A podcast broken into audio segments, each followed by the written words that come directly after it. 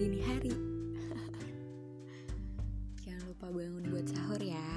Jangan males bangun. Ini sahur kedua. Semangat. Yuk, sambil nemenin kalian sahur, kita bakalan bahas soal pacaran virtual. Ya. Hubungan virtual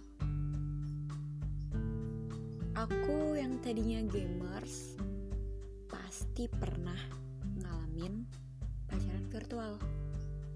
Dan aku yakin kok bukan cuma gamers yang pernah ngalamin itu. Orang lain yang main segala sosmed pasti juga pernah. Entah itu Instagram, WhatsApp,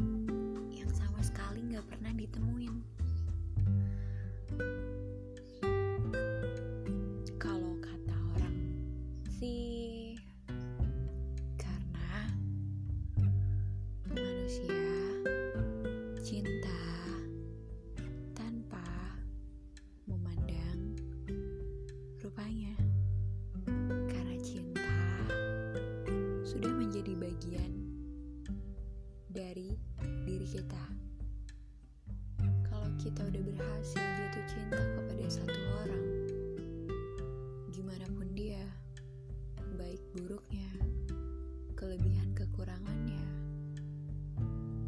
Bahkan mungkin jika memang fisiknya nggak sesuai ekspektasi kita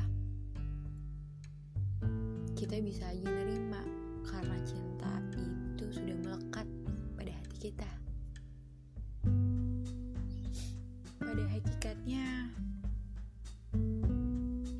manusia bisa patuh dan taat kepada Tuhan yang gak tahu gimana rupanya yang gak tahu gimana suaranya yang gak tahu gimana cara kerjanya.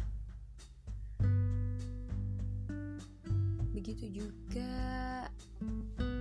dengan pacaran virtual. Menurut aku pribadi sih eh, pacaran virtual berawal dari adanya rasa trauma dalam diri sendiri pertama. Entah itu susah move on kalau pacaran sama orang yang deket atau ya bisa dijangkau. Atau males sama orang yang ada di sekitar kita karena emang takut mau disakitin lagi. Dan awalnya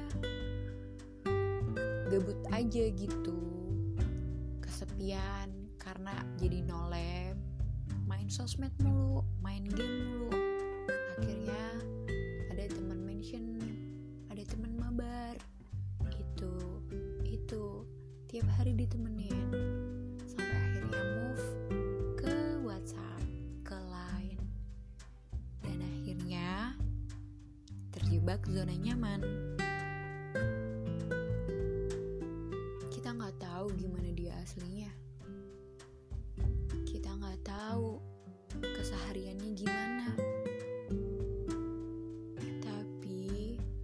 begitu mudahnya kita bisa menjatuhkan hati kepada seseorang yang sama sekali tidak dikenali di dunia nyata. Mungkin karena kita yakin kalau kekuatan cinta itu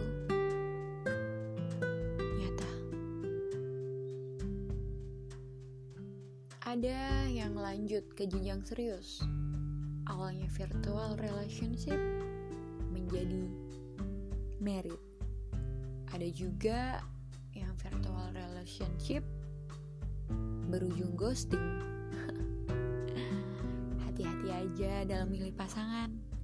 Gak semua orang virtual cuma main-main aja kok.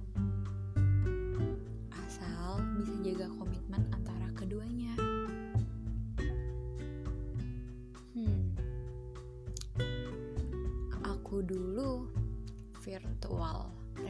relationship sekali aja sih itu pun karena dipaksa. Sebenarnya aku nggak bisa orangnya LDR karena aku emang manja. Dan bawaannya klingi terus kalau sama pacar.